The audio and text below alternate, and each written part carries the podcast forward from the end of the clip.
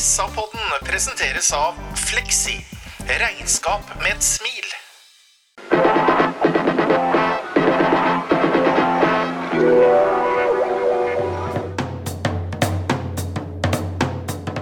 Sarpsborg Arbeiderblad gir deg en ny episode av SA-podden med Sven René Nygård, Øystein Weber, Petter Kalnes og Bjørn Inge Bingen Nilsen.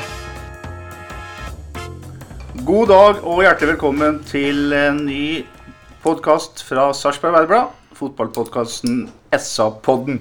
Jeg heter Peter Kalnes, og som dere vet, så er jeg både vaktmester og materialforvalter i denne podkasten. Men det lytterne ikke vet, er at jeg også er spilleragent. Og jeg har tre eh, Hva er det jeg har igjen, da?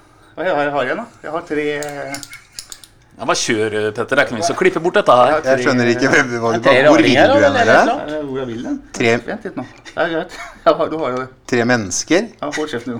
Homo Det sapiens. kan være at vi må starte Helvetes idiot. Sånn, hold kjeft nå. God dag og hjertelig velkommen til en ny episode av SA-podden, Sarpsborg Arbeiderblads fotballpodkast. Jeg heter Petter Kalnes, og som dere vet, så er jeg både vaktmester og materialforvalter i denne podkasten. Men det lytterne ikke vet, er at jeg også er agent. Jeg er spilleragenten til de tre herrene her i studio. Og rundt Deadland Day så har vi agenter både julaften og 17. mai på en gang. Men for meg så ble dette overgangsvinduet ingen suksess. Jeg prøvde alt for å selge guttene i podkasten til større podkaster, gjerne i utlandet, men eh, interessa var lik null. Så derfor, hei, Sven René Nygaard. Ja, du må ha gjort en dårlig jobb, gutten min. Ja, hei, Bingen. Faktisk den suverent beste introduksjonen du har hatt på noen gang på denne. Halla! Halla. Vi skal preke om uh, overgangsvindu som ble smelt igjen i midnatt uh, tirsdag natt til onsdag. Og vi har derfor satt inn en litt ekstra podkast, Øystein. Og så skal vi starte med å ta litt selvkritikk. For om søndagen så var vi eh, høyt oppe etter 5-0 mot Sandefjord. Men vi mente jo at omtrent halve laget skulle forsvinne. Ja, og det, derfor er det jo også greit å ta en ny pod når det er en litt sånn new deal nå. Nå er korta lagt for resten av sesongen. Nå vet vi mye av det vi satt og synsa om på søndagen. Det inneholder jo bl.a. at en for en gangs skyld eh, ikke valgte å kvitte seg med noen av dem eh, vi ønska at en skulle eh, beholde. I tillegg så har det kommet inn en spennende nysignering fra Strømsgodset, Mikkel Maigård. Og vi vet litt mer også om, om sk- skadene, skaden til, til Molins. Så, så nå er vi litt mer oppdatert. Og ingenting er bedre enn at vi bomma på de litt dystre prognosene våre når det gjaldt salg. For nå ser vi lyst på det med forhåpentligvis en høst med en, eh, først og fremst en eh, skadefri Gaute Wetter. Og så dere skjønner av det Øystein sier, så har vi mye å preke om, eh, skal- Men vi skal fortsette litt med at du sa du at Vetti går til Bodø, Saletros går til Danmark, og Conné går ut i det svære utland. Og som vanlig, hadde jeg nær sagt, så tok du feil. Ja, men jeg sa jo også det at jeg håper at Hans Petter Arnesen og Espen Engebretsen hører på podden. Og at de da ikke skal la oss i SA-podden eh, eller Bingen få rett i det han sier. Og det viste seg jo at eh, det fikk jeg jo rett i. De hørte på SA-podden, og det ble ingen salg. Hvor glad var du, Sven, når du gikk og la deg på tirsdag og laget var intakt?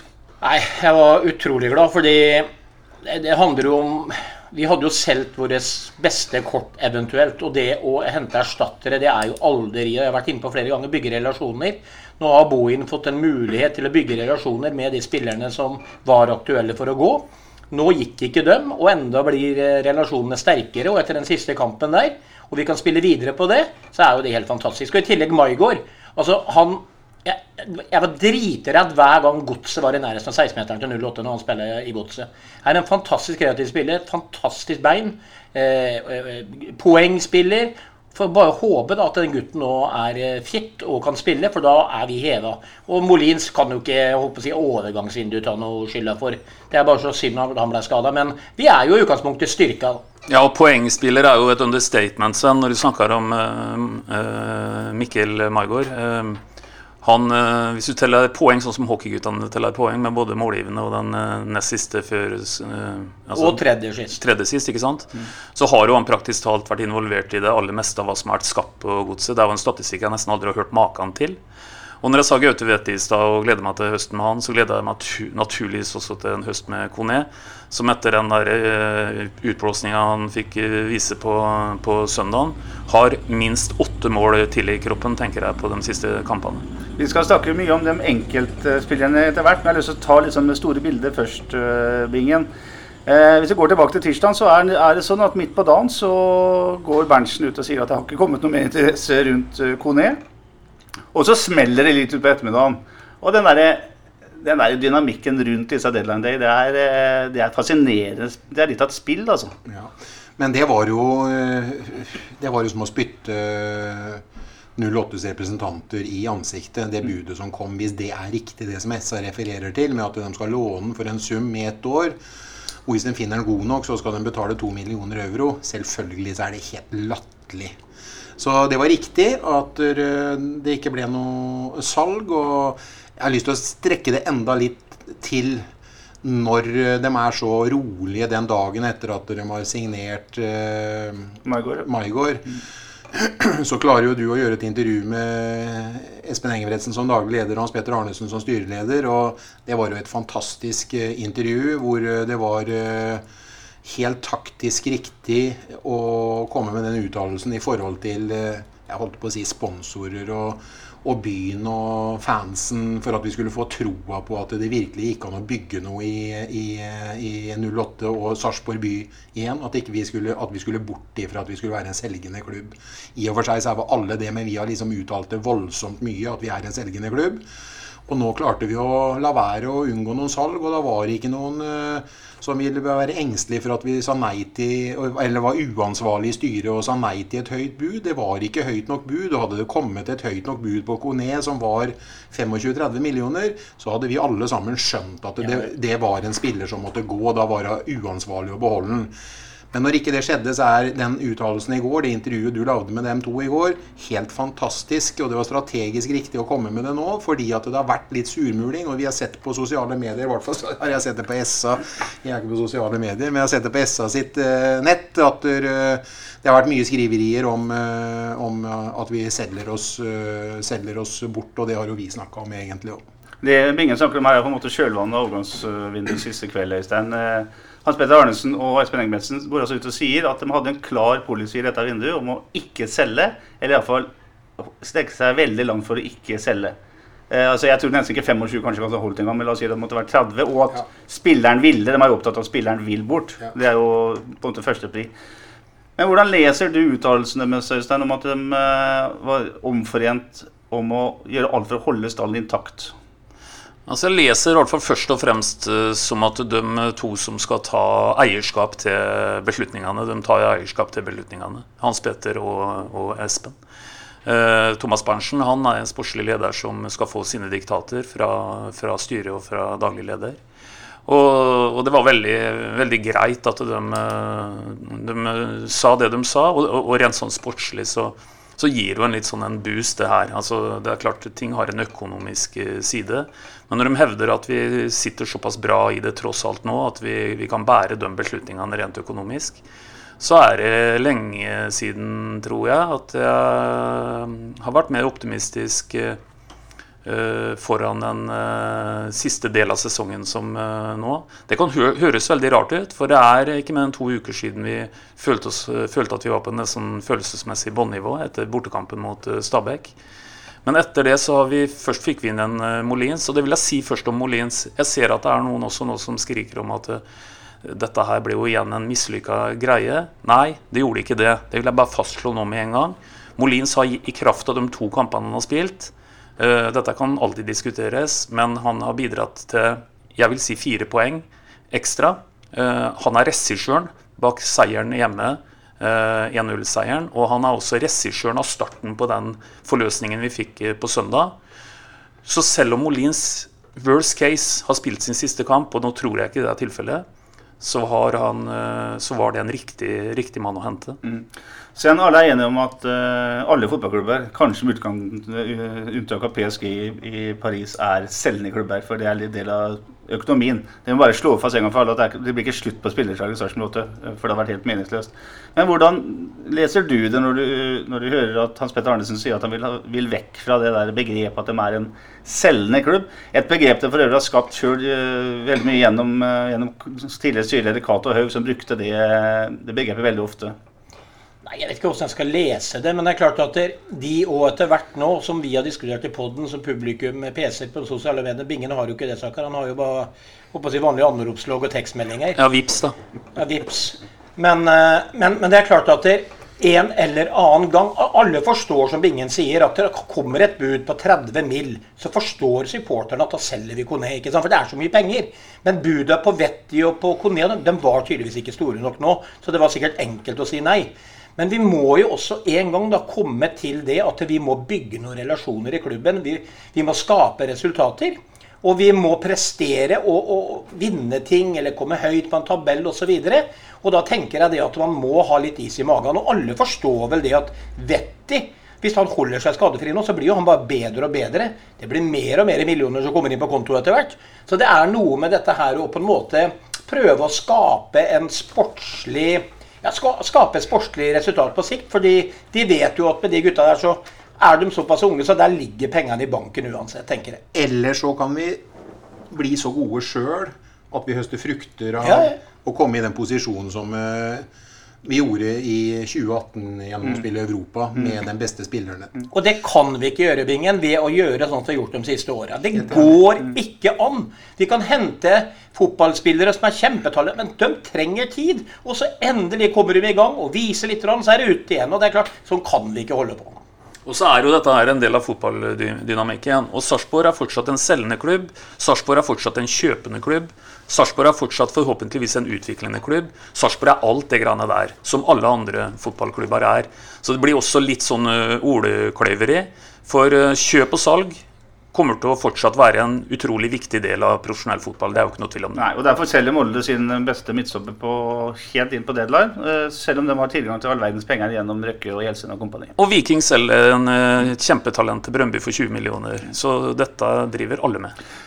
Det å kommunisere det eh, at de ikke ville selge eh, etter at det hele er stengt og hele er overbringen, eh, kunne man sagt det her på forhånd? Og sagt at eh, dem som skal hente noe i Sarpsborg i dette vinduet fotball-Europa, må komme med mye euro? Det kunne de sikkert, men jeg syns det her har vært en harmonisk og fin uke uansett. Du merker det når du er på stadion på trening nå. Det er liksom en sånn glede og ro, om det er eh, støttegruppa, eller om det er eh, Kjetil Berge, eller om det er eh, dem som er på felt eller spillere. En sånn avsløp av tingen. Det var en hyggelig søndag. Det ble et overgangsmarked som vi vant på tirsdag. Uh, uttalelsen til Hans Petter og Espen, de to største lederne, mektigste lederne i 08 i klubben, de uttalte seg eh, i går. Og jeg eh, De kunne sikkert ha sagt både A og B og C og D, men uansett det som har blitt sagt, og det som har vært gjort, og det som har blitt eh, kommunisert til eh, fansen både på banen og til, eh, til eh, muntlig denne uka her sånn, har jeg syns liksom at, vi, at klubben står veldig styrka igjen med Jeg syns ikke det er noen grunn til å finne noen feil, jeg nå. Altså, jeg er egentlig veldig fornøyd med denne uka her, både sportslig sett og hvordan eh, Hans Petter og Espen uttalte seg. Og så er det noe med det at det er greit å få avklaring. Eh, uvisshet er noe dritt. Og det er klart det har ikke vært lett heller vet du, for en ung eh, bergenser, Gaute Wetti, å stå de siste dagene oppi her og skjønne at det er et spill om, eh, om hans eh, greie, om hans framtid, og hvor han skal pakke bagen og eventuelt reise hen hvis han skal det. Nå får alle noen avklaringer, og nå vet vi at det nå er ikke noe som skal skje på dette markedet før butikkene åpner igjen, og da er vi over på et nytt år. Helt, eh, helt klart. Det er eh, Vi skal holde oss til det spillet på, på kvelden der. eh, Øystein. Se bort fra Sarpsborg men bare ta det generelle deadline day-spillet. Her selger man også sine viktigste varer, i anførselstegn. Eller de er jo varene til en fotballklubb. Litt sånn over bordet, ti på tolv, eh, litt i anførselstegn det òg. Det, det skjer jo ikke i noen annen industri at en, eh, en transaksjon mellom to firmaer foregår eh, på den måten der. Nei, det som er litt spesielt, og som i hvert fall skiller seg fra en annen industri, det er jo at her er jo bare eh, deler av året hvor det er lov å handle. Altså Du kommer jo rett og slett ut i en ny periode hvor, hvor butikken er spikra igjen. Men det er nok litt sånn overdrevent hvordan det har blitt. Litt sånn, kall det dyrka gjøre absolutt alt mulig i grevens tid. Det er jo ikke mange åra siden eh, Det kan vel dere sikkert som er større United-eksperter enn meg eh, huske, at eh, en DGA skulle reise, og så ble signaturen registrert noen sekunder over midnatt. Så, så her venta den rett og slett noen minutter for lenge. Ja. Det, det virker jo litt rart, akkurat det. Men også her i norsk fotball så har det jo blitt sånn vi, vi husker jo ikke dette her fra tidligere, hvis vi går mange år tilbake. Det med deadline day er jo noe som har på en måte kommet nå de siste åra også i Norge og blir maksa av dem som har rettigheter og skal skape et underholdningsprodukt. Og da, da laver en nok også sikkert mye En prøver å uh, koke maksimal suppe på den spikeren òg. Når du trommer inn eksperter i studio, og de skal ha en eh, livesending som skal gå i mange, mange, mange timer. Det gjelder å holde det gående. Eh, De fikk heldigvis for dømmes sending noe å snakke om. Men, eh, men eh, ja, sånn har det blitt. Sånn har det blitt. Det var for øvrig en eh, faksmaskin vel, enten på kontoret i Madrid eller i Manchester som ikke funka da De Gea skulle til Real Madrid. Så det er, det er små marginer. Han står i mål ennå, Sven. Vi tar dem enkelte. Kan jeg, bare, kan jeg bare si en Ja. ting til? Jeg glemte en ting til. Og så liksom sånn Den harmonien som har gjenspeila seg litt på stadion denne uka her. sånn, og jeg Snakka med Joakim i stad. Joakim Thomassen, som er både kaptein og sosialminister. eh, Etter eh, gikk, I dag fikk de innvilga noen dagers eh, ferie. Var siste trening i dag. Men i går så hadde han alle guttene, og det er i møteplikt. Det er i kun gyldig fravær som gjelder. Hjemme hos seg til landskampen eh, Norge-Holland i går med, med god mat og drikke, og der var samtlige spillere. Så det er Det, er, det virker som tingen eh, er veldig harmonisk nå innenfor de siste kampene i serien. Jeg så også noe i øya til Espen Engebretsen i går som jeg liker. Espen Engebretsen er ganske lett, lett å lese når han er sliten, eller når han er ordentlig på hugget. Og nå er han ordentlig på hugget. Han snakker om et uh, heidundrende jubileumsår i eh, 2022. For det er forhåpentligvis en tiende sesong på rad i uh, Eliteserien, som er en voldsom prestasjon. Så jeg tror også, som Bingen sier, at det er eh, harmoni og god stemning på stadion, og at vi kan glede oss den høsten som kommer. Vi tar de enkelte overgangene eh, inn til Sarpsborg 8, dere. Så er det sånn at Amadou Kamara har kommet fra dette akademiet, Oslo Fotballklubb Akademi i Senegal. Så har Molins kommet fra Rosenborg, det vet vi. Og så har det da kommet to spennende midtbanespillere litt på tampen her. Eh, Dario jo Kanadica, tror jeg vi sier at den uttales. Fra Astra Georgio i Romania, som jo var på banen eh, litt om søndagen. Og så er det Mikkel Maigård fra Strømsgodset. Det lille vi har sett av kroaten eh, Dario, Sønn, vi kaller han det for enkelhets skyld. eh, Hva, hva synes du om det? Nei, det, det lille jeg så, det, det imponerte meg faktisk. Fordi For det første så så han men en gang ut som en liten pusling som fløy utpå deg.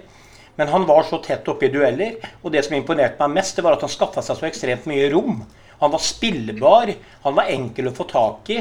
Eh, helt sikkert en sånn ball possession-spiller som når kameraten din har trøbbel i tårnet, liksom, så stikker han bare to meter til venstre, og så er han lett å nå. Så er vi ute av den situasjonen. Så han er eh, Men det er jo sånn de her laga som Rijeka og de, eller Kroatia generelt spiller, er flinke til å beholde ball i laget. Så det syns jeg så veldig spennende ut. Og han hadde full pinne de minuttene han spilte, og er visst etter ryktene godt trent. Og det er klart at han har spilt på disse lagene her, så har han noe å fare med. Selv om han i første øyekast, da. Det er jo ofte at folk ser på spillere, og det, han er ikke elegant, han så pinglete ut, han er ditten og datten. Så var vel ikke han noen majestetisk person utpå der. Men jeg tror han er en meget god fotballspiller. Han eh, måtte også ta bassefeil til Horten om uh, mandagen og spille tredjefunkskamp, og gjorde det med hjertet langt av drakta. Takla, tok svært ansvar. Fikk med seg resten av laget. Det ser ut som en litt sånn lederfigur. Og han tar stor plass, eh, dekker store rommingen, har vi sett på trening i hvert fall. Ja, han er jo ikke noen, eh, noen sånn typisk Balkan-gutt som eh, hele tiden skal spille det der finspillet. Det er hardtarbeidende midtbanespiller som, som eh, er veldig lik eh, Steffen Ernemann eh, i forhold til hvordan han går i press og er, flytter bena. Men i tillegg til så er han jo en eminent ballspiller, så her har vi fått en, en enda bedre spiller enn det vi hadde i, i Ernemann, etter min mening den gangen. Spennende. Og så kom da en liten bombe på tidlig i uka Øystein, med Mikkel Margaard fra Sømsgodset. En Margaard som har vært, hatt en vanskelig situasjon i godset etter at eh, Henrik Pedersen, treneren til godset, måtte gå på, av dramatiske årsaker eh, tidligere i sesongen. Eh, han var kaptein på tidspunktet. Uttalte seg litt kanskje på vegne av spillergruppa som ikke skulle gjort, og blir eh, ja, litt, havner litt mellom barken og veden. Har også vært ganske kritisk til styre og stell i eh, godset. Derfor har han vært litt ute i kulda. Men ingen tvil om at dette her er en eh, drivende god fotballspiller. Ja da, og det, det har helt sikkert en historie at han har spilt såpass lite som han har, eh, han har gjort i år. For, eh, for det er ingen logikk i det, ut ifra hva den gutten der gjorde når han kom til godset. For da, da tok han Det var jo nesten egentlig sensasjonelt å finne en sånn en som han fra Raufoss. Jeg syns også det sier en del om han danske vennen vår der, at han i løpet av de få årene han har vært her, har lært seg nesten like bra norsk som deg, Sven. Og, og det betyr at han mener noe med at han er en som kommuniserer. Eh, Han, eh, han velger å, å prøve å finslipe språket sitt, så det er veldig enkelt å forstå. Nå kan jo vi lytte til dansk generelt, men dette var veldig lett å lytte til når jeg så den introduksjonen av han på, på hjemmesida til klubben. Så, så dette blir spennende. Og for å ta en kjapp repeat på det eh, Av 29 skåra mål i en gitt periode her for Godset, så var han involvert i 27 av dem. Smak på den. Ja, ikke Ja, sant? altså, men også bare tillegge det som jeg sier, Du sier jo det sjøl, at det her kommer fra Raufoss. Det er altså sikkert mange fra Raufoss som hører på podden, tror du ikke det? jo, jeg, er jeg vet- kjenner det i hvert fall. Eh, Det er ikke noen fallitterklæring å komme fra Raufoss, men når du kommer fra Raufoss i tillegg og tar eliteserien med storm, og så klasker de på deg kapteinspinnet oppå der, rett etterpå omtrent, det sier jo litt om eh, fotballspilleren Maigård og personen, sikkert. Det er en ganske spesiell eh, historie, for dere vet hvor han var før han var i Raufoss? Nei. Der vi var på Island. Vestmannaøy, var han før han kom til Raufoss. Så karrieren hans har jo gått uh, rett til himmels, vil jeg si. Um, moderne midtbanespillere her, Bingen, skal gjøre noen poeng. Sven snakker, eller Bingen snakker, Veberg snakker om poengspilleren Maigård her. Det er viktig egenskap for en midtbanespiller.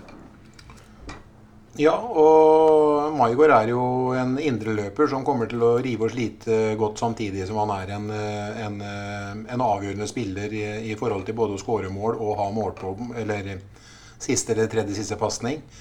Han eh, er en offensiv spiller og en løpssterk spiller, så vi hylla jo han veldig. Vi irriterte oss veldig over at Berntsen ikke lette i dem baner for, i podden for to år siden. Spesielt. Hvor han tok tippeligaen eller Eliteserien med storm.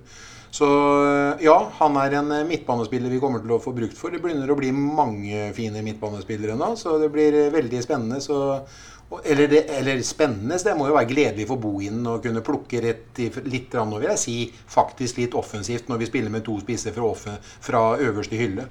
Nå tenker deg med å slå pasninger i lengderetning. Og så er det noe, en tilleggsfaktor her. og det, eh, Vi har mye, snakka mye om en Ernemann-gutt her, men da Ernemann kom, så Han var ikke over toppen av karrieren, men han begynte å nærme seg det aldersmessig. Det gjør ikke Maigård. Han er 25 år, så han er jo en helt perfekt alder i tillegg. Så Og Dario og kroaten er vel ikke mer enn 27, 27, så det er jo egentlig litt utrolig at vi klarer å få dem spillerne der som er, I hvert fall en kroat som ikke er over det topp. At vi klarer å få tak i han, det må jeg si. Veldig bra jobba. Maigård, Dario, Gaute Vetti, Jonathan Linseth, Anton Saletros. Kanskje en uh, Nicolay Næss. Det er ikke lett å ta ut de tre som skal spille der, Sven. Nei, Det første som eh, mm, slår meg, er at Nicolay Næss nå tenker jeg må slåss om eh, bakre rekka. Plass der. Og det blir vanskelig. Eh, men så har vi jo plutselig kommet i en situasjon nå, da, Petter, hvor hvis det blir et tett kampprogram, og alt dette her, så har vi muligheten kanskje til å hvile noen som ikke vi hadde før. Eh, for Da kan vi sette inn en kvalitetsspiller. Og så handler jo alt om taktikk innen fotball i dag også. Eh, Når trenger man Linseth sin løpsmaskin i type bortekamp f.eks., hvor det kommer mye rom, eh, mye rom framover i banen osv. osv. Så, videre. så her blir det, som Binge var inne på, et utrolig behagelig eh, problem, for å kalle det gåsetegn, da, å ta ut et fotballag. Men det er klart at dere en Gaute Wetti som sentralt strør litt pasninger. En Maigård som kommer på farta der. En Saletro som kommer på farta. Da har du en poengspiller en poengspiller på hver side. En av venstreben som er eh, nydelig. ikke sant? Og så har du en oppsett fram, og så har du en Kone der framme. Jeg har tenkt så mye på den kampen som var en 5-0. Jeg syns så synd på oppsett. Som missa på de to store mulighetene, men som jeg var inne på, de kontante avslutningene hvor han trodde gikk i mål. Altså, Vi kommer til å få så mye, eller Kone kommer til å få så mye støtte rundt av han Opseth hvis vi fortsetter med de to på topp. Artig du sier det om Fardal Opseth. Står igjen én på treninga i går.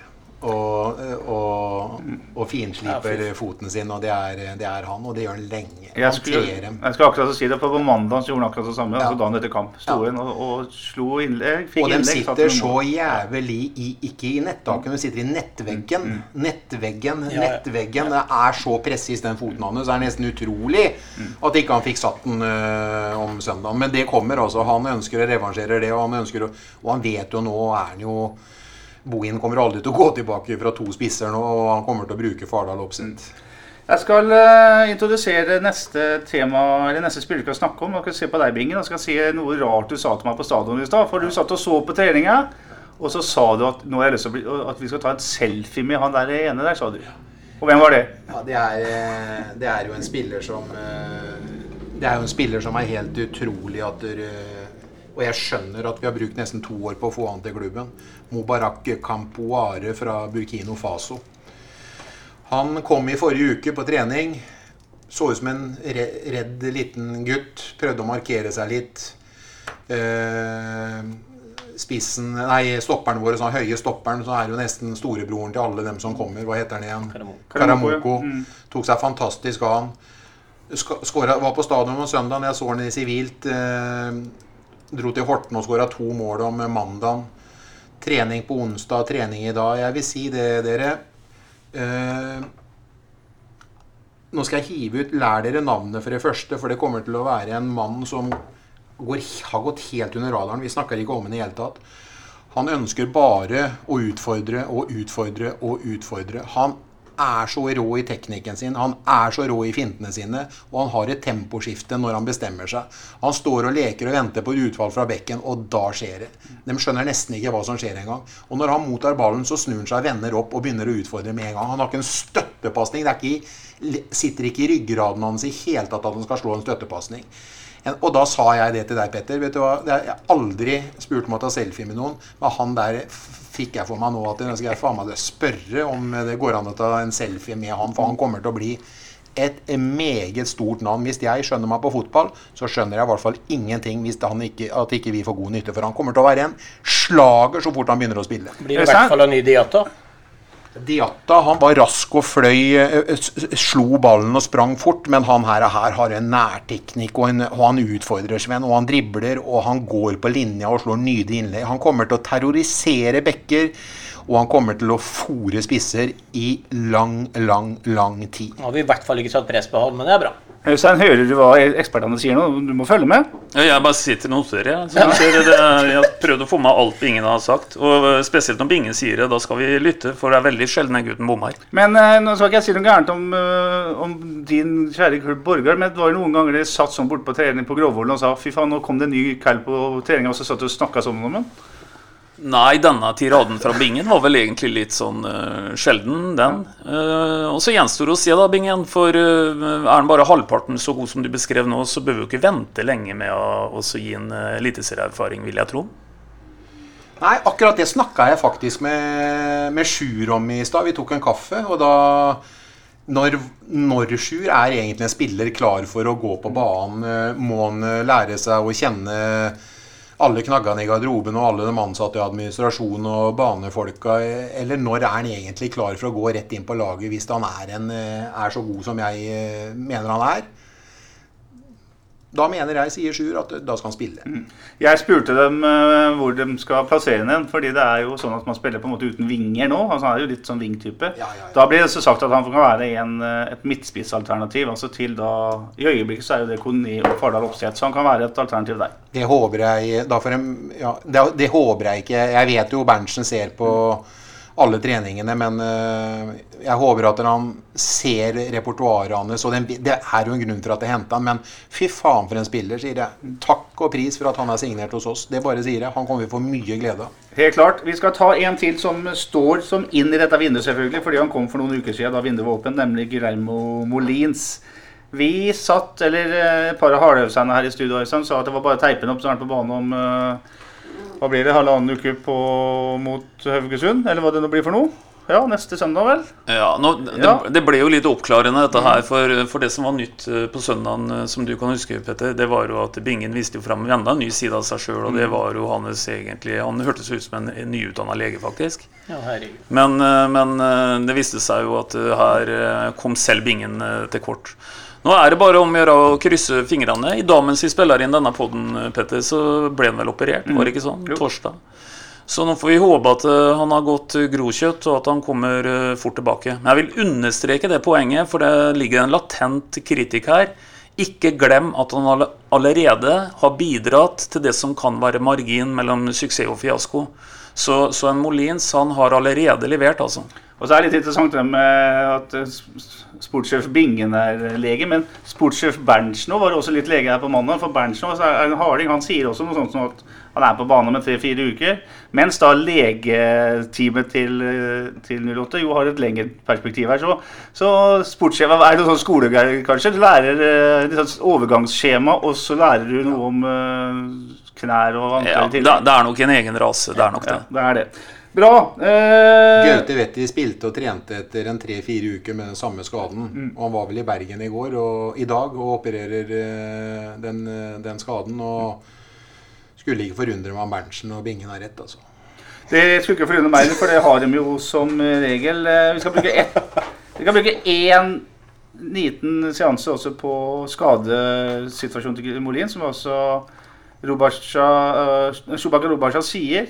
Legen til Sarpsborg sier rett ut at dette skyldes et kunstgress. Et kunstgress som blir stadig mer, eh, blir stadig mer fokus på. Og et kunstgress som ikke holder spesielt høy standard, da, tydeligvis sammenlignet med andre gress i, eh, i Norge. Er ikke det håpløst Øystein, at man eh, henter spillere til millioner av kroner, de tjener hver dag, på et underlag som eh, virker litt sånn småhelsefarlig?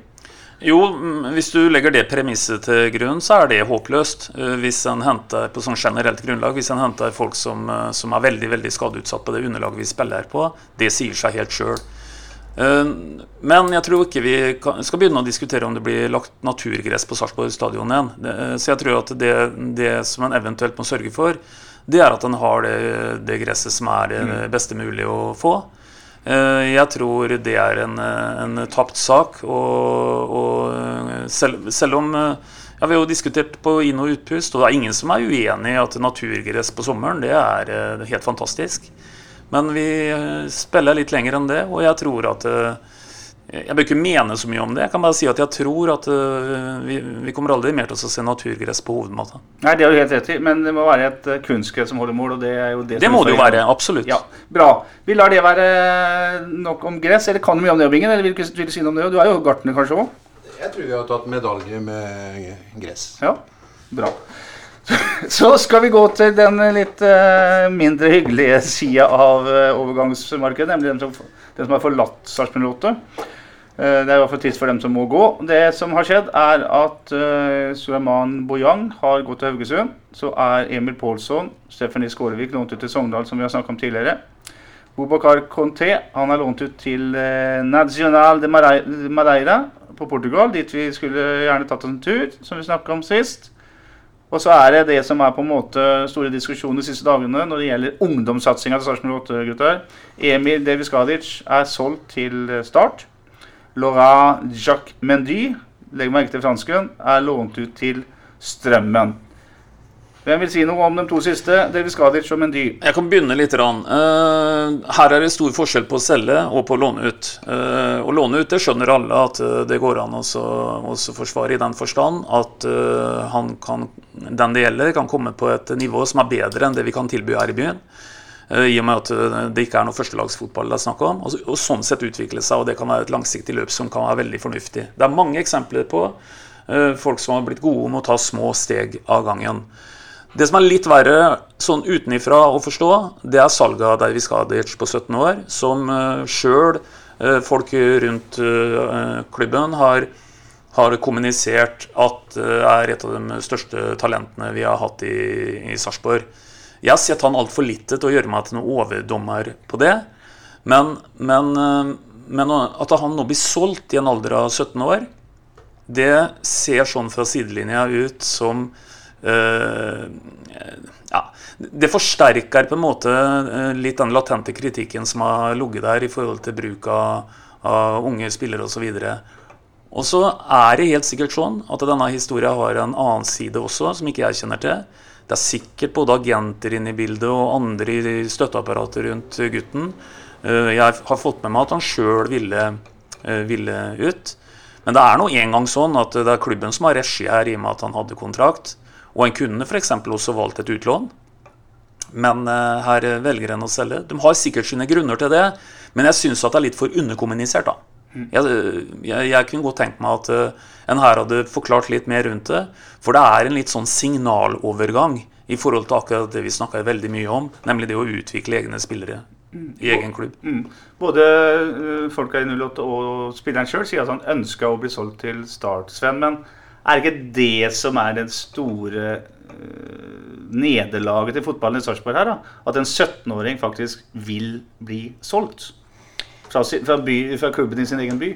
Ja, eh, da må jo denne 17-åringen eller agenter eller eh, kanskje det til og med er familie, hva som helst, sitte med en stor følelse at det virker sjanseløst mm. å få lov til å prestere noe i den blåhvite trøya. Noe annet svar har ikke jeg. Men det, det, jeg i hvert fall vet, da, det er jo det at det er jo ingen tvil. Vi har prata om ungdommen her. Vi har sett på statistikker hvor Stabæk topper og 08 er i bånn. Uh, hvor er de unge lovende? Hvorfor er ingen i nærheten av A-lagsspill osv.? Og, så har vi endelig en som ligger i nærheten. Og det er jo kjempedårlig signal at han ønsker seg vekk. Det, det, det, kommer vi ikke utenom. og det er klart at det, Jeg så jo på det som Biggen ikke forhold til, som har vært inn på sosiale medier. Eh, så mange som klager og lurer på hva i svarte H eh, Hvorfor forsvinner han? Det er ikke noe godt signal. Og det, det, det, det, gir også et vanskelig signal til andre unge spillere. Kanskje det er noen da som får et tilbud som er kjempetalent for å komme til 08. Nei, vi går til Stabæk, ikke sant? Og så velger bort 08 etter hvert. Eh, nå, nå, er det jo mulig at jeg banner litt i kjerka, for nå ikke jeg helt statistikken. Men sånn som jeg har forstått nå, så er vel stort sett alle av de her eh, ungdomslagene våre kommet seg langt opp i NM og alt dette her. Så tydeligvis er det noe. Men jeg har kommentert noen kamper med dem. Og jeg har sett dem, så jeg ser hvor lang vei de har unna. Og jeg hadde én mann på blokka mi. Det var nærteknikken og vendingene til Dervis Skadic. Han har noe på gang. Vips borte, og da er det lenge til neste. Og for å supplere, eller for å gjenta, jeg er usikker på hva som blir rette ordet her nå. Så er ikke jeg kritisk til at han går til Start. Jeg er ikke kritisk til at han ønsker seg til Start. Jeg er ikke kritisk til at han har en agent som kanskje ønsker det. Men jeg er kritisk til at det blir valgt et salg, og ikke et utlån. For et utlån fram til neste vindu, komme tilbake når sesongen er over, den hadde eh, alle akseptert, og til og med applaudert. For det er nå engang sånn at er du ikke, får du ikke førstelagsfotball i Sarp, så er det nest beste tilbudet mye lavere enn å spille i Obos. Det skjønner alle. Men, og jeg, jeg, jeg, bare stusser litt over at en måtte velge et salg. Jeg er ganske sikker på at det salget er framtvunget av uh, David Scarlett og hans uh, rådgivere, ikke av uh, Thomas Berntsen og, og Bjørge Øyestad. Men uh, jeg har vel ikke hørt noen ha sagt det. Så, akkurat Nå skal jeg supplere. Ja. Nå skal jeg akkurat si det samme. Det kommer, Jeg har sittet på den siden der, sånn, så jeg vet akkurat hvordan det kan være. Enten så er det gærne agenter, eller så er det ambisiøse foreldre. Og det er her tror jeg nøkkelen ligger. Og da er det nok eh, med krav om at spilletida skal være sånn og sånn og ditt og datt. Og når de da skjønner at de kommer litt i, i, ja, litt i problemer i forhold til det, så blir det et salg. Og så tenker de sånn at der, slår han til gjennom igjen som 20-åring eller 21-åring og start øh, beveger seg fortsatt uh, i det nivået de er, og vi fortsatt holder plassen, så går det an å hente den igjen for fortsatt en, en, en, gunstig sum. Men akkurat nå så har ikke vi mulighet til å kjøre han inn på sentral midtbane. I den høstsesongen vi har. Han må levere gode prestasjoner på B-laget for å få det til. Jeg skjønner det, Bingen, men med å låne ut og så sagt at vi diskuterer dette igjen i januar Jeg skjønner det du sier, men jeg bare fulgte opp Ja, ja, det Petter sa. Jeg tror ikke de hadde noe valg. Jeg tror eh, når du kommer på til eh, gærne agenter eller ambiøse foreldre, så endte det her som det ender i den tilfellet der. sånn. Men med fasit i hånd, og det er jo det vi har når vi sitter her Vi er etterpåkloke, så ta for det det det er. Men det er jo et faktum at en sentral midtbanespiller som David Skadic har fått konkurranse av Ed Paulson, Ja, ja, ja. en Felix fra Stockholm, som ingen skjønte noen ting av. Eh, Så var forkludra situasjonen hans. Så ille at han i spill 11 mot 11 noen ganger har løpt intervall ved siden av og ikke fått være med å spille fotball. Og da er jo noe gærent. Og det kan jo være ting som fremtvinger en sånn, eh, et ønske fra spilleren. da. ja, ja.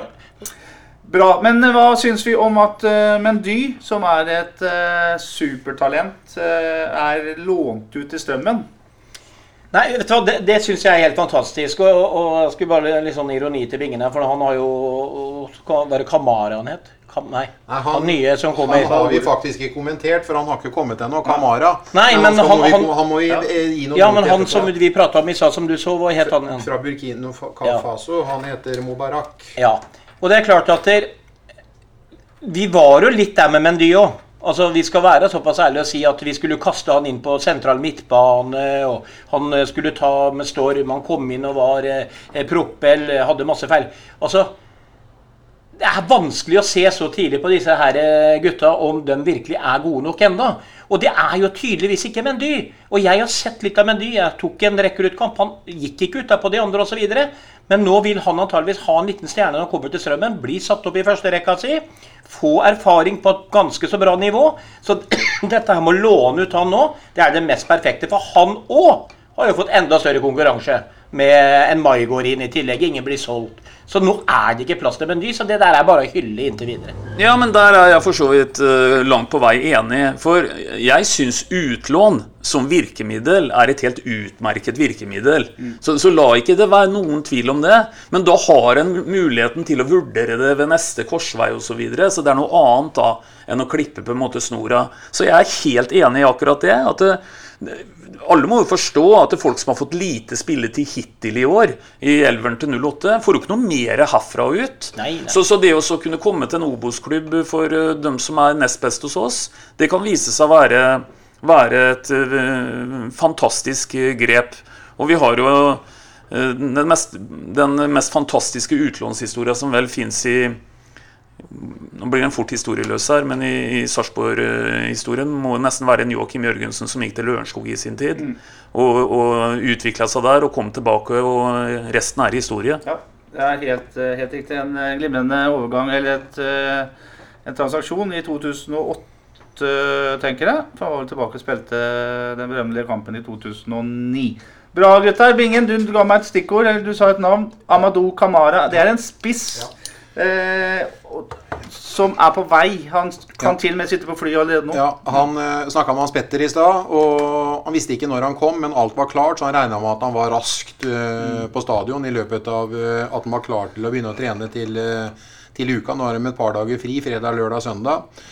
Det er jo en eh, Jeg har aldri hørt agenten eh, til Oslo Academy, altså Josef Faall, har gått så høyt ut med én en eneste spiller som han har eh, servert 08, som han gjorde med, med Kamara. Han omtalte den som en en kraftpakke og ligaens beste spiller i, i Mali. Og han bøtter inn mål. Og nå vet vi at Kone har dratt på landslagssamling. Sågar så spilte han fra start i går i Sør-Afrika-mesterskap-kvalet. 65 minutter. Ja, og det er hans første landskamp å spille fra start, så det må vi si er veldig gledelig. Og hvis Josef Faall eh, treffer på det han sier her, om den, eh, hva som vi har i vente, så bør vi liksom Det bør være moro å gå på stadion og se på trening igjen. For at eh, jeg syns det lover så veldig, veldig veldig godt nå når jeg har sett det jeg har sett av dem eh, nye som har kommet, og jeg vet kvalitetene til dem ut ifra hva vi ser og hva de har eh, i bagasjen fra før av, så syns jeg det her har vært en perfekt uke etter at vi vant eh, 5-0 om eh, søndag. Jeg er helt enig. Han er på vei og skal eh, da inn i en sånn kar karantenesak der han må trene alene på stadion i noen dager. Og så er han da klar for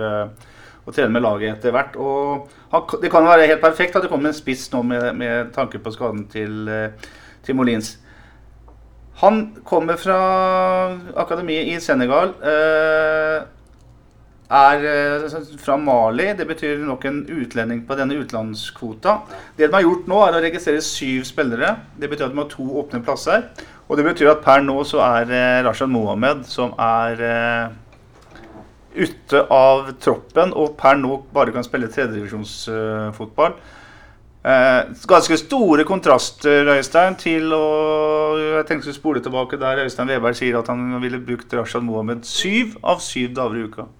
Ja, det er bare å, bare å innrømme at han har bomma der, og det har jo vært veldig mye som har skjedd. Det alle sikkert er enige om, er at uh, Rashads tilbakekomst til Sarpsborg ble egentlig en uh, ble egentlig en litt trist historie. Mm.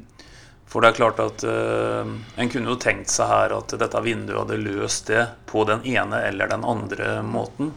Uh, og at ikke nå uh, tidlig i september er hogga i sten at du skal ikke spille noe annet enn tredjedivisjonsfotball før vi skriver 2022. Så det er ikke noe annet å si om det enn at eh, det var en mismatch, og, og eh, det er trist. Mm. Det er fortsatt mulig at uh, Rashad kan bli utlånt, for det er noen uh, ligaer som fortsatt har åpent vindu.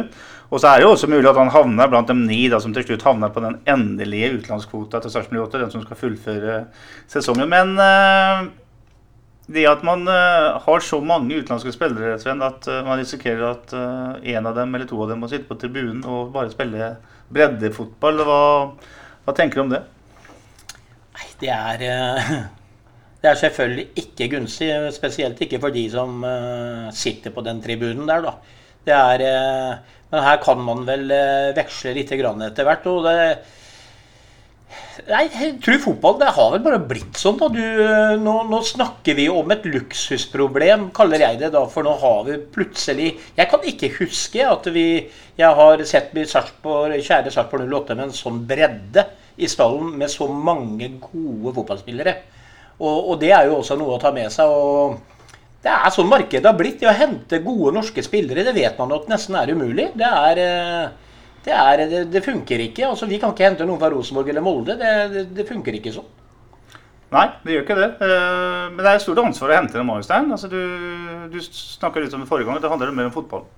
Ja, altså Det vi diskuterer nå, det, det, er jo noe litt sånn annet. Altså Vi er innforstått med at det er toppidrett og det er konkurranse og det er ikke noe kjære mor og alt det greiene her. Nå snakker han jo helt konkret her om det er mulig å løse en situasjon for å ikke melde folk på eh, for å spille tredjedivisjonsfotball. Eh, for det er jo det er på en måte trist for alle. Men bare for å rydde litt opp i den regelen, så jeg ikke foregriper begivenhetenes gang, sier du at det er noen dager til nå i september som det er mulig å både hive på to til i utenlandskvota. Jeg trodde det var låst i forhold til vindusstengte, men det er noen dager til.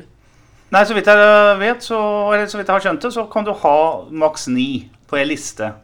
Men når du fyller på niendemann der, det kan du avgjøre sjøl. Det kan du i prinsippet gjøre 1.12. Okay, så han rekker én kamp eventuelt. Ja, ja, ja, så, men da er det jo for så vidt en åpning her. Det er en åpning, men Spørsmålet er hva du gjør med vår venn som kommer nå, Kamara. Hva vi gjør med, med han uh, selfie-kameraten til han Bingen osv. Så, videre. så litt usikker på det. Det er ikke noen åpning for noen nye spillere inn. Det er for eksisterende tropp. Eksisterende tropp. Ja, jeg, jeg hvis du leser noe av det som sto i media i SA, så minnes i hvert fall jeg at f.eks. Thomas Berntsen uh, gikk ut og utklarte at uh, når Kamara kommer, så tre han trenger litt tid.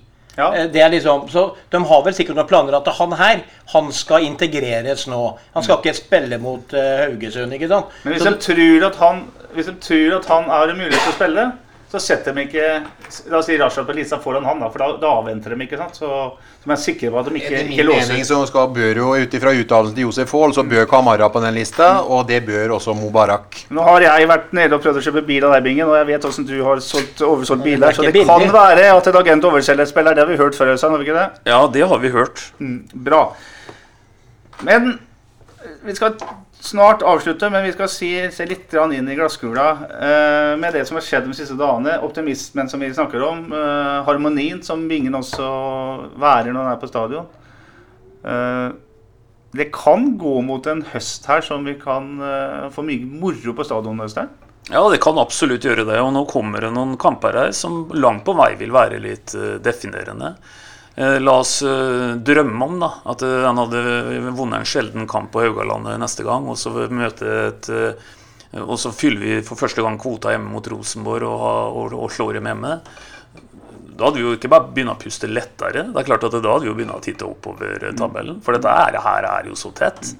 Men, men poenget er at eh, vi er ikke der ennå. Fem og- seire på rad. Ja, ja, vi er, vi er ikke der ennå. Så, så vi, vi, vi kan godt eh, tenke at det er mulig å eh, se oppover etter hvert. Men det er så viktig å, å sørge for at vi er trygge bakover før vi gjør det. Så inntil vi ikke har noe mer å bekymre oss over, så, så velger jeg å kikke over skuldra. Sett deg inn i situasjonen til midtbanespilleren din, Sven, til 08 nå. Da sier du heter Jonathan Linseth, da. Som eh, har blitt flytta litt rundt. Slått deg inn som innerløper. Spilt to gode kamper som innerløper etter at de la om til tre på midten. Og så kommer det to, to ordentlige hardinger. En fra Kroatia og en fra Danmark. Og så er en konkurransesituasjon helt annerledes. Eh, Er det bare positivt? Blir du bare trygge, eller blir du litt sånn derre eh, Nå ba du meg sette meg inn i situasjonen, og hvis jeg hadde vært igjen, så hadde jeg blitt trigga. Da hadde det vært Du hadde knekt benet på Ja, jeg hadde ikke knekt bena på det, men jeg hadde sagt til Bohinen at uh, jeg, du kan satse på meg. Og, Mm. og det, jeg mener at når man eh, driver i, eh, med idretten fotball på eliteserienivå, så må du tåle den konkurransen. Eh, vil du bli god nok, så blir du god nok hvis du gir av deg sjøl. Og da tenker jeg at Linseth må bare løpe enda mer av, vet du. Og trykke til enda tøffere i duellene. Så Bohin ser at eh, han kan jeg jo faen ikke sette ut. Så det gjelder jo alle, det.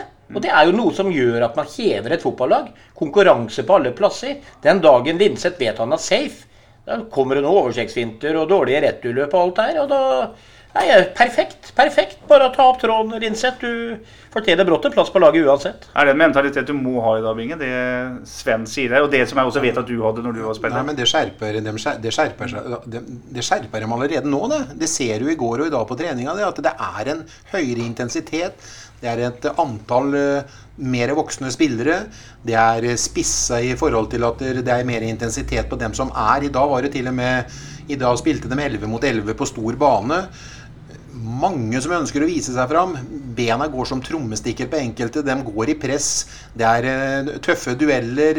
Det er mange som ønsker å spille den kampen mot Haugesund eh, neste søndag nå. Så det her er her sånn gjør at eh, vi får mer kvalitet på trening. Og det sier jeg at vi har fått bort noen spillere her sånn, som har hatt liksom hardere medtak enn de har hatt avleveringer. Og det er klart at når du, når du klarer å holde ballen i lag, og du bygger opp angrep, og du kommer på linja og slår inn, og den sitter i nettaket, eller Anders Kristiansen gjør knallredninger Det her trigger så jækelig, og det motiverer til eh, høyere kvalitet på trening. Og det, det ser vi allerede eh, nå. nå.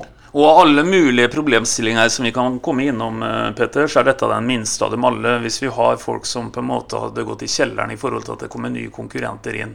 De som ikke tåler den konkurransen, de kan finne på noe annet å gjøre enn å spille toppfotball.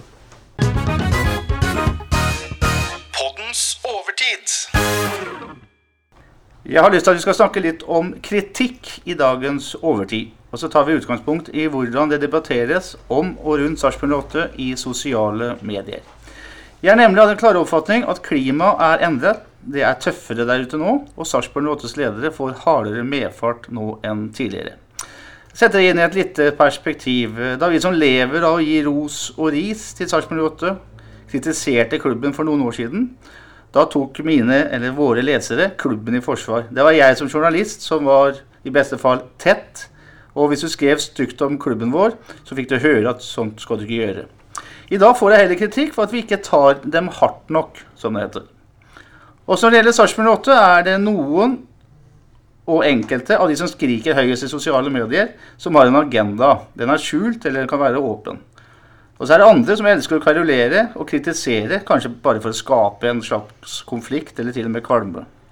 Enkelte av disse er ikke interessert i fotball engang. Det ser vi på dem som er involvert. Men de aller fleste, og det er disse som er viktig, de diskuterer Sarpsborg 08s ve og vel, fordi de er glad i klubben, opptatt av den, og elsker at det er eliteseriefotball her i byen vår. Og det er disse som er viktige. For det er disse klubben til sjuende og sist lever av. Jeg vet at enkelte i 08-systemet syns de får litt hard medfart der ute nå. Men får de egentlig det? Eller får de den kjefta den misnøyen og den rosen den fortjener, Øystein. Vi kan starte med deg. Hvordan, eh, hva, hva syns du om klimaet på disk, fotballdiskusjonen i Sarpsborg? Nei, altså eh, Når det gjelder diskusjoner på nett generelt, så, så finnes det jo eh, mange verre, verre fora å, å, gå inn og kikke på enn en på en sånn supportergruppe. Jeg syns det er sånn som ho hovedregel så syns jeg det er relativt uh, ok. Jeg syns ikke klubben skal ha så veldig mye fokus på at, eh, på at, eh, det alltid vil på en måte være kritikk der ute. For det er jo et uttrykk som heter at du gjør jo ikke alle til lag, så det er jo virkelig helt sant. Det gjør du ikke. Uansett hva du gjør for noe, så vil du få kritikk, og du vil få ros, gjerne for den samme tingen. Og så har jeg bare lyst til å minne om en ting til. Fotball favner utrolig bredt. 13.9. så er det stortingsvalg eh, for, eh, for også Sarpsborg 08-supporterne. Jeg vil komme med en kvalifisert gjetning, og det er at eh, av alle supporterne som har stemmerett, så kommer hun til å legge seddelen sin helt fra Rødt på venstresida til Frp på høyresida i valgurna. På stadion så vil vi ha eh, ateister. Vi vil ha religiøse. Og vi vil ha alle folk av alle mulige eh, Tilhøre alle miljøer. Dette er fotball. Det er jo helt utopi å tro at en sånn en, eh, kall det fragmentert, massefragmentert eh, gruppe skal se på produktet med de samme øya. Sånn er det ikke. Fotball favner så bredt. Så det som noen syns er klokt, det syns andre er dumt. Det 08 bør ha fokus på, det er at det er et engasjement der ute. Eh, vi har vært innom det før. Det som hadde vært mye mer skummelt, det er at det sakte, stille og rolig så var det ikke noe særlig som skjedde der ute lenger. Og til slutt så var det helt lugnt. Mm. Det hadde vært farlig. Sven, vi har snakka om åpenhet. Ja, at vi, vil, vi, som følger med, eh, med vil ha så mye informasjon som mulig. Man har fått litt kritikk for at man blir litt mer lokka. Siste tida har man, har man, vært litt mer åpne. Man har vært åpne med Gaute Vetti, man har vært åpne med Saletros og Kone. Fortalt at det har kommet bud. Da har de fått superkritikk i sosiale medier for at nå skal de jo for pokker selge de beste spillerne sine igjen. Eh, å gjøre alle til laks er et godt uh, ordtak her, men det er jo ikke lett uh, å vite hvor man, hvordan man skal kommunisere her heller. Nei da, og det, det, der er jo en eh, nesten umulig øvelse. Enten det er, eh, handler om Glazer-familien i United, eller om det handler om Thomas Berntsen og Espen Engebretsen og gutta i 08. Men jeg tenker det at det, det, er veldig lett å ta til seg ros fra supportere og, og, og andre foraer. Men kritikk må man også ta på alvor. Altså Man må også evaluere den kritikken. Hvis jeg kommer i bøtter og spann fra veldig mange, så må klubben vet du, sette seg ned og forstå at vet du hva, det her må jo være noe berettiga. Og det var jo veldig kritikk i forhold til åpenhet. Og jeg har jo fulgt den klubben her fra tykt og til, eller fra han starta opp. Og jeg har jo merka at selvfølgelig så er det ikke noe annerledesklubb før, og det forlanger ingen. Men den er jo så utrolig langt unna det som en gang var. Og den siste perioden har jo uten tvil vært ganske lokka. Man har fått greie på litt. Eh, enten det gjelder spillere inn eller spillere ut. Men akkurat den situasjonen der i forhold til at eh, man eh, er åpen på at spillere kan være på vei bort og sånn, det tenker jeg at det, det skal du bare fortsette med. Og så kommer den kritikken der, så får de bare godta den. Og det tror jeg supporterne de, de har forskjellige meninger, og sånn vil det bestandig være. Men jeg er veldig opptatt av at klubben lytter til all den kritikken de får. For hvis ikke de begynner å gjøre noe med den kritikken der, så kan det gå veldig gærent. Er det stor kritikk for et eller annet, så er det antageligvis begrunna. Bingen, eh, du må være ganske hardhuda skal du være fotballeder i, eh, i en by som Sarpsborg. Altså, I hvert fall dem som bor i sin egen by. Jeg snakka mye med Sjur Robert Nilsen om det fenomenet der. at han er, han er hovedfiguren for et uh, Sparta-lag, har vært det i 20 år, uh, i sin egen by. Kan du reflektere litt rundt, uh, rundt, dette, selv om du ikke er i sosiale medier og ser alt det som vi ser? Da, vi som er litt mer moderne enn deg? Jeg vil vel tro at det er mange som skal fortelle Sjur eh, noe hver gang de ser han. At det kan faktisk være litt mm. slitsomt. Mm. Mm. Alle føler at de kjenner Sjur for Sjur. Enn noen har gått på skole med noen, noen har vokst opp med noen, noen har slått hockey sammen med noe. Så det der eh, det, det, er nok veldig slitsomt. Men det er jo et valg eh, Sjur har tatt mm. ved å være trener nettopp i Sparta og hjemme i byen eh, i så lang tid. Men har han Thomas Berntsen f.eks. For en fordel at han faktisk ikke bor her? Hvis han skulle ut og spise middag en fredagskveld med kona eller samboeren, så, så går ikke han på Dickens, liksom. Det gjør nok ikke. Og Sjur har vel slutta med å gå på Dickens han òg, men det er vel sånn at der, Ja, Thomas slipper nok litt unna fordi at han gjør det. Og hvis Thomas uh, snakker sånn, så leser han jo heller ikke sosiale medier. Uh, så han slipper nok unna. Skjul må leve med det så fort han går ut porten fra morgen til kveld. Så det er nok litt annerledes. Jeg vil, jeg vil tro det. Men det er et valg de tar, Øystein. Akkurat som jeg i mitt yrke er uh, eksponert for at folk kan mening om det jeg gjør. Så, så uten, uten samling for øvrig. Men det er jo disse folka her med på stadion nå. Ja da. Grad. Ja da, og de, de må forvente at det er masse oppmerksomhet rundt den jobben som blir gjort for bylaget. Det skulle bare mangle. Så igjen, jeg bare henstiller til at, eh, at eh, jeg er helt enig med Sven i at en skal lytte på kritikk osv. Det skulle bare mangle. Men, men eh, den må ikke la det prege hverdagen. For den kritikken som er der ute, den kommer til i større eller mindre grad å, å være der all den tid vi er skrudd sammen sånn at noen eh, ønsker å være mer negative enn andre. Men i det store og det hele så tror jeg ikke det er noe stort problem. Og så vil jeg si en ting til når en kommer inn på det med åpenhet. Nå, nå spurte du Bingen i stad om det var fornuftig eh, av Espen og Hans Petter å fortelle dagen etter at vinduet var stengt, at strategien var sånn og sånn. Uh, la oss si at noen eh, sier at det er manglende åpenhet, at de ikke kommer fire uker tidligere med det. Det vil jeg si i så fall ville det vært en litt sånn misforstått åpenhet. Jeg skjønner at du som journalist gjerne vil eh, kunne grave det fram og få det fram så tidlig som mulig, men la dem ikke være så åpne så de på en måte eh, rokker ved posisjonen sin som en forhandler. Da, i en, i en, for En kunne jo tenkt seg at du gikk inn i et vindu og sa nå skal vi selge for enhver pris, eller et eller annet. Ja, Det gjør jo noe med dem som dukker opp på forhandlingsbordet og eventuelt skal kjøpe det du har å selge. Så det dreier seg om å være profesjonelle her òg. Så, så det, vi, det, vi, snakker om, om, eh, Vi må ikke blande det så eventuelt være litt lokka med at du faktisk er profesjonell. Altså. Du skal ikke dele alt. Jeg er enig, men, eh, men det er litt måte på. og Jeg syns nå klubben har dreia retning igjen. Jeg, jeg personlig sa til jeg, Og nå mener jeg dreia til det positive. Jeg skal ikke være hårsår, for jeg går på stadionet dit og jeg ser på alt. Og jeg følger 08 veldig, og det har vært eh, klubben min, og jeg har sjøl vært med der. Men eh, jeg òg har snakka med mennesker som syns at klubben eh, var, var, på en litt feil kurs en periode. Og jeg òg sa vel også til noen at personlig, og det er første gang jeg kan si offentlig, men jeg sa til noen rundt meg, nære venner, og kanskje dere òg Første gang at jeg følte meg på en måte eh, Ikke følt meg velkommen i min egen klubb, for å si det sånn. Eh, det var en periode, og det er hard skyts å høre det, men heldigvis så syns jeg den dreiinga nå har kommet mer og mer til det positive. Jeg syns klubben er mer åpen med informasjon. Jeg syns Berntsen svarer lettere i, i avisen. Og jeg syns det er lettere å få svar på spørsmål man, man stiller. Så jeg syns klubben er i ferd med å, å, ha et ønske, i alle fall, om å bli på en måte folkets klubb igjen. Og jeg syns ikke vi har vært der hele tiden den, den siste tiden. Og det tror jeg forhåpentligvis har noe med den kritikken som har vært litt over tid. da. For det har vært en del kritikk der ute i sosiale medier. Det har blitt skrevet litt om det i media. At klubben på en måte har føltes mer lokka, og folk har klaga litt på det. Og jeg håper og tror at de selv har merka at ja, på et styremøte eller hvor, hvor de har sittet, vi, kanskje, vi, vi, må kanskje spisse oss litt her nå. Skjerpe litt. Og jeg tror og forhåpentligvis det er en av grunnene. Jeg, jeg skal korrigere meg litt.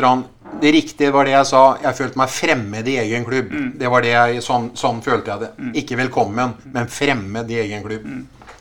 Er det så enkelt Øystein, at uh, resultater også på dette området har så mye å si? Altså Om det fotballaget vinner den kampen på søndag eller ikke?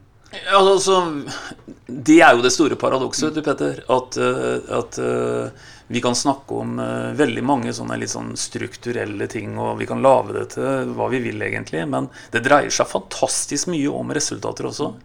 Uh, det er ikke vanskelig å finne Det er ikke vanskelig å finne 10-11 poeng ekstra i år hvis en går gjennom en del av de kampene som, mm. som vi har missa på. Og da hadde vi jo vært der oppe. ikke sant? Og da hadde mye av denne diskusjonen vært helt annerledes. Så svar på hvorvidt dette også dreier seg mye om stolpe inn, stolpe ut, det er ikke noe tvil om. Når det er sagt, så er jeg helt enig i at, eh, at eh, det er veldig bra at, eh, at eh, det utøves både kritikk og selvkritikk. Og det har det helt sikkert vært behov for. Men konklusjonen her er at det er viktigere at eh, folk snakker om klubben, ja, de ikke gjør det. ikke sant? Ja, det er jeg absolutt helt eh, klar på. Så vil jeg bare si en ting til Bingen eh, sist i forhold til det her med Bingen er jo en av dem som har, har eh, drevet med mange ting, mye sånn i det skjulte. Det har kommet ut i bokform etterpå. ikke sant? Vi, vi har jo nå i etterkant kunnet lese om hvordan han solgte den makta i Tione en gang i tida. ikke sant? Han gikk jo langt utover mandatet sitt, og, og eh, dette gikk jo ordentlig sånn eh, personkjemi i han og Nordstrand og Jacobsen, og det var ikke måte på. Dette kan jo alle sarpinger lese om i dag. Men du ringte jo ikke Bingen til lokalavisa og holdt dem løpende oppdatert om det spillet du den gangen var en del av. Og det vet og det kaller jo ikke jeg manglende åpenhet. Og det var vet jo- du, Øystein? Ja, det, det, Bingen har bestandig løpt til ja, du får svare på det sjøl, Bingen. Nei, det er, så, nei, det er ikke alt du skal si. Du kan jo ikke gjøre det når du er midt i forhandlingen. Og du kan holde tett, eh, korta tett i brystet. Men jeg syns allikevel det har vært en positiv endring på, øh, på øh, Jeg kan ikke kalle det brakka lenger nå, men administra administrasjon generelt. Jeg syns det har vært en helt annen tilnærming til eh, ja, Du skal ikke glemme hvor du er ifra, og hvor du kommer ifra, og hvor vi egentlig var for eh, 15 år siden. Da. Nei, det er fantastiske ord. Vi skal ikke glemme hvor vi kommer Nei, fra. nei. Der er jeg helt enig. Og vi avslutta med den, og vi eh, forventer ikke at noen skal spille poker med åpne kort. altså. De skal, ikke, de skal forhandle, men eh, gjerne med sånn åpenhet som vi har sett de siste dagene. Nå skal vi gjøre noe vi aldri har gjort før. Vi skal tippe resultatet på Haugesund-Sarpsborg 8 for andre gang. Sven, husker du hva du tippa sist? Begynte med deg. For andre gang? Ja, Ja, jeg husker det. Men. Hva sa du? Bingen Jeg sa 1-1. Du sa 1-1. Men Bingen hadde jo A og B etter Ja, men vent, vindu. da! Det, nå, nå blir jo spennende hva som kommer nå. For nå nå- er nemlig A og B Vi har- vet hva som er A og B nå. Eller vi vet ikke, men Bingen vet det kanskje. Ålreit, du sier 1-1. 1-1. Jeg sa 1-0, og jeg sa altså Fardal Oppsett. Du Ja. sa Jeg sa 0-0, og jeg sier fortsatt at dere er fornøyd med. Og nå har jeg ordet, Bingen, for nå vil jeg vite hva alternativ A er. Ja, A eh, var 0-0. Eh, Ja, men hva, hva var A? Nei, det, det Jeg har ikke tenkt å fortelle alt. Du vet jo ikke sjøl! Nei da. B, det A var 1-1. Vi skåra mål. Hvis vi, beholdt, 0-0. hvis vi beholdt troppen, så ble det 1-1. Da ble det 1-1 hvis vi beholder Så Ja. nå blir det 1-1 nå, Det altså. ble 1-1. Beholdt troppen, så ble det hvis, 1-1. hvis, det ikke, hvis de ble solgt, så skulle det blitt 0-0. 0-0. Det, det, det ligger så mye logikk i det Det er totalt håpløst. Sist så kom resonnementet litt bardus på meg, så jeg da stilte jeg egentlig spørsmål om er ikke dette noe av det dummeste vi har hørt. I dag vil jeg faktisk konkludere med å si Det er det er det dummeste jeg har hørt. Og jeg avslutta forrige gang med å beklage til alle lyttere hvor mye dumt det går an å si. Jeg gjør det nok en gang. Og nå lover jeg at jeg ikke hører oss før etter Haugesund-kampen. Tror jeg, da. Ja, vi venter til etter Haugesund-kamp. Vi gjør det. Ja. Da prekes vi. Vi Vi prekes. prekes. SA-podden presenteres av Fleksi. Regnskap med et smil.